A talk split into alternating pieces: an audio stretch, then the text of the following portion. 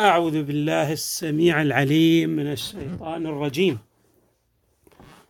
بسم الله الرحمن الرحيم والحمد لله رب العالمين.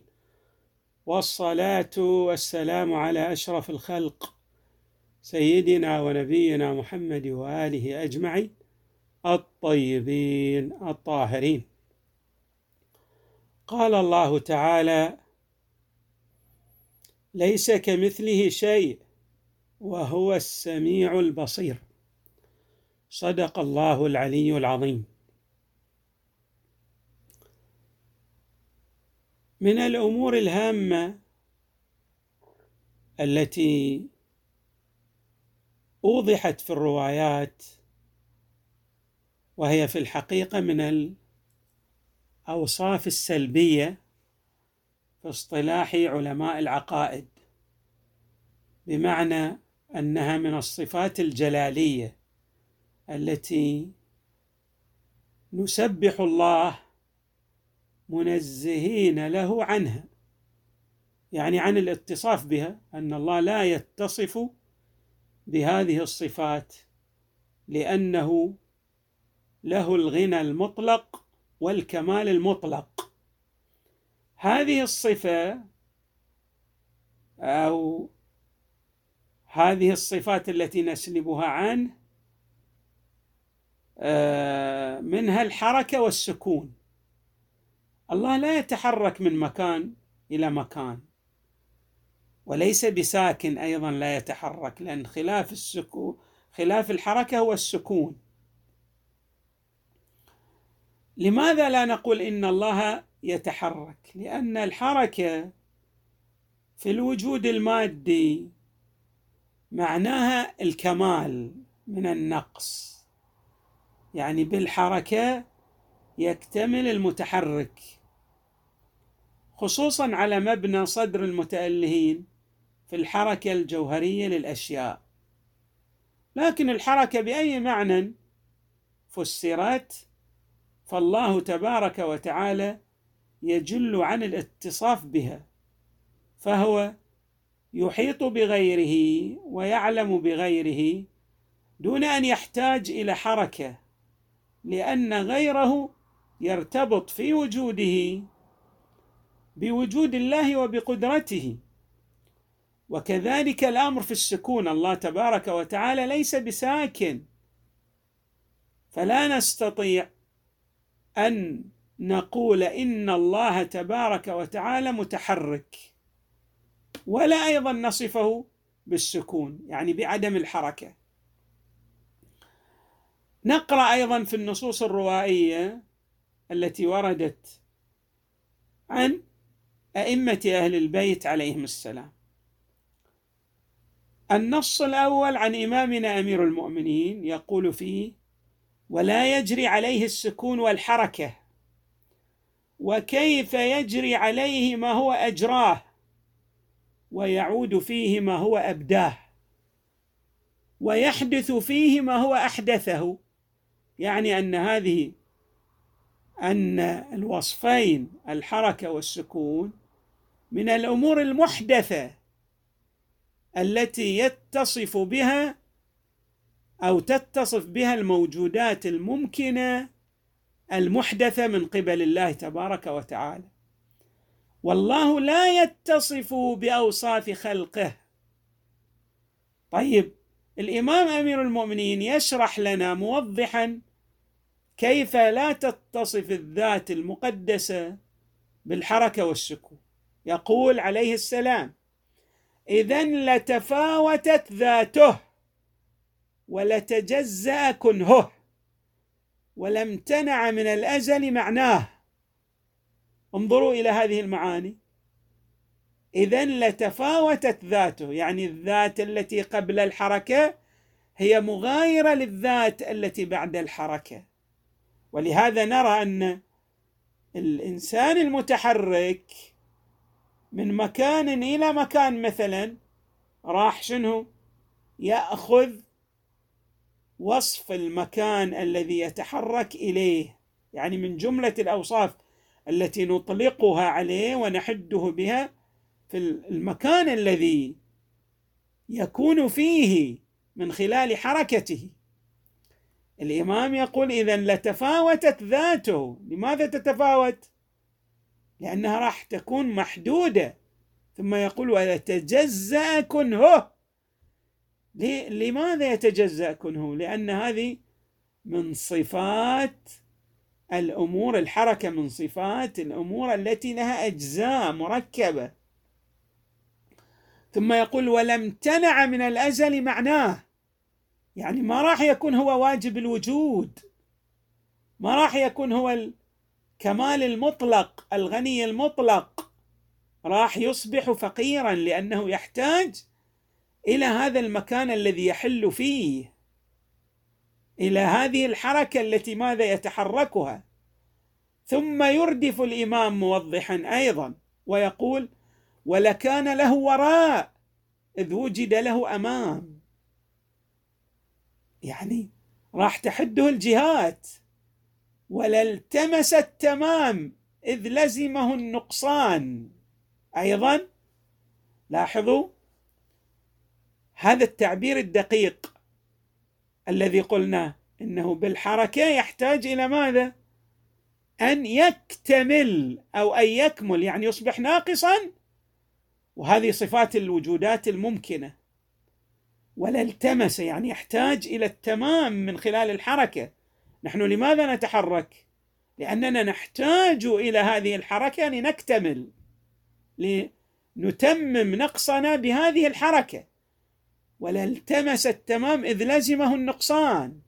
ثم يقول الإمام عليه السلام واذا لقامت آية المصنوع فيه. يعني أصبح له علامة من العلامات التي تتصف بها الوجودات الممكنة المصنوعة من قبله. ولتحول دليلا بعد أن كان مدلولا عليه. راح أيضا ماذا؟ يصبح هذا المتحرك من الأدلة الدالة على وجود إله يغايره. بينما إحنا نتحدث عن الإله الواجب الغني الذي لا يحتاج إلى غيره راح هذا بحركته وبسكونه ماذا؟ يتحول آية دالة على غيره على ذلك الوجود المطلق الذي هو الإله الغني الذي لا تطرا عليه الحركة والسكون.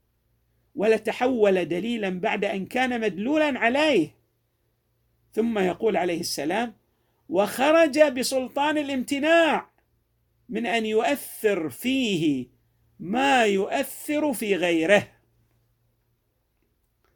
أيضا تعبير دقيق؟ الله تبارك وتعالى لا يؤثر فيه غيره وهو يؤثر في غيره. لكن لو كان يتحرك أو يكون ساكنا يعني لو اتصف بصفات الوجودات الممكنة راح شنو؟ بعد ما يمتنع تأثير غير تأثير غيره فيه راح يؤثر فيه غيره. لماذا؟ لأنه من الوجودات الممكنة يصبح. ولهذا يقول الإمام عليه السلام وخرج بسلطان الامتناع من أن يؤثر فيه ما يؤثر في غيره. هو كان ممتنع أن يؤثر فيه غيره لأن غيره من الوجودات الممكنة تؤثر في الوجود الممكن وهو وجود واجب غني قهار لغيره غير مق... غير مقهور بقدرة غيره. يعني أنه ماذا؟ ممتنع على أن يؤثر فيه غيره. لكنه لو كان يتحرك أو يتصف بالحركة والسكون لكان كغيره. يعني يخرج عن هذا الامتناع الذي لا يمكن أن يؤثر فيه غيره. اذا تعبيرات الإمام أمير المؤمنين عليه السلام غاية في الدقة على أن اتصاف الذات المقدسة بالحركة والسكون آه الوصفان يحولان الذات من كونها تتصف بالوجود الواجبي الذي لا يؤثر فيه غيره إلى وجود ممكن يتأثر بغيره. لاحظوا أيضا تعبيرا آخر أو رواية أخرى لإمامنا الصادق عليه السلام. يقول وتعالى الله لا يوصف بزمان ولا مكان. إن الله تبارك وتعالى لا يوصف بزمان ولا مكان ولا حركة ولا انتقال ولا سكون بل هو خالق الزمان والمكان والحركة والسكون. تعبيرات مثل ما نقول الإمام يضع النقاط على الحروف. لا يمكن أن نقول الله تبارك وتعالى له الزمان الكذائي يعني وجد في الزمان الكذائي لأنه هو هو أبدع الموجودات التي تتصف بالزمان. فلو كان يتصف بزمان يماثل الموجودات التي أوجدها لأخذت هذه الصفات الممكنة تعتريه ولكان يماثل غيره. ما يصبح ليس كمثله شيء لأنه يماثل الموجودات الممكنة. والإمام عليه السلام الصادق يقول إذا لا يتصف لا بزمان لا مكان ولا حركة ولا انتقال ولا سكون بل هو خالق للزمان وللمكان وللحركة وللسكون. بعد أوضح من هذه التعبيرات لا يوجد عندنا. طيب الإمام الصادق الإمام الكاظم عليه السلام أيضا له تعبير دقيق. ويوضح لهؤلاء الذين يصفون الله تبارك وتعالى بالمكان. مثلا أن نقول إن الله تبارك وتعالى في السماء. الله في السماء لكن ليس بمعنى ان أن السماء له مكان. لا. هذا المعنى أن نجعل السماء مكانا لله تبارك وتعالى كحلول الموجودات الممكنة في أماكنها يجعل هذه الذات ماذا ناقصة؟ وتحتاج إلى المكان. انظروا ماذا يقول الإمام. يقول الإمام الكاظم عليه السلام أما قول الواصفين إنه تبارك وتعالى ينزل يقولون ماذا؟ ينزل مثلا من السماء إلى الأرض هل هذا صحيح؟ الإمام يقول هذا الكلام غير دقيق غير صحيح. يتنافى مع حقانية التوحيد الخالص. فإنما يقول ذلك من ينسبه إلى نقص أو زيادة. وكل متحرك محتاج إلى من يحركه أو يتحرك به. يعني هذا كل متحرك. إما أن يحركه غيره فهو يحتاج إلى غيره أو هو يحتاج إلى هذه الحركة ليكتمل بها فالإمام يقول أو يتحرك به. يعني هذه الحركة تكون تصبح متممة له لأنه ناقص. فإذا الإمام الكاظم عليه السلام ينفي عنه هذين الوصفين اللذين هما من صفات السلب. اللي قلنا إن هذه صفات جلالية يعني ننزه الحق تبارك وتعالى عن أن يتصف بها. فمن الأمور التي ننزه الذات عن الاتصاف بها الحركة والسكون وكذلك المكان والزمان. فليس له زمان هو أزلي قبل القبل بلا قبل وبعد البعد بلا بعد.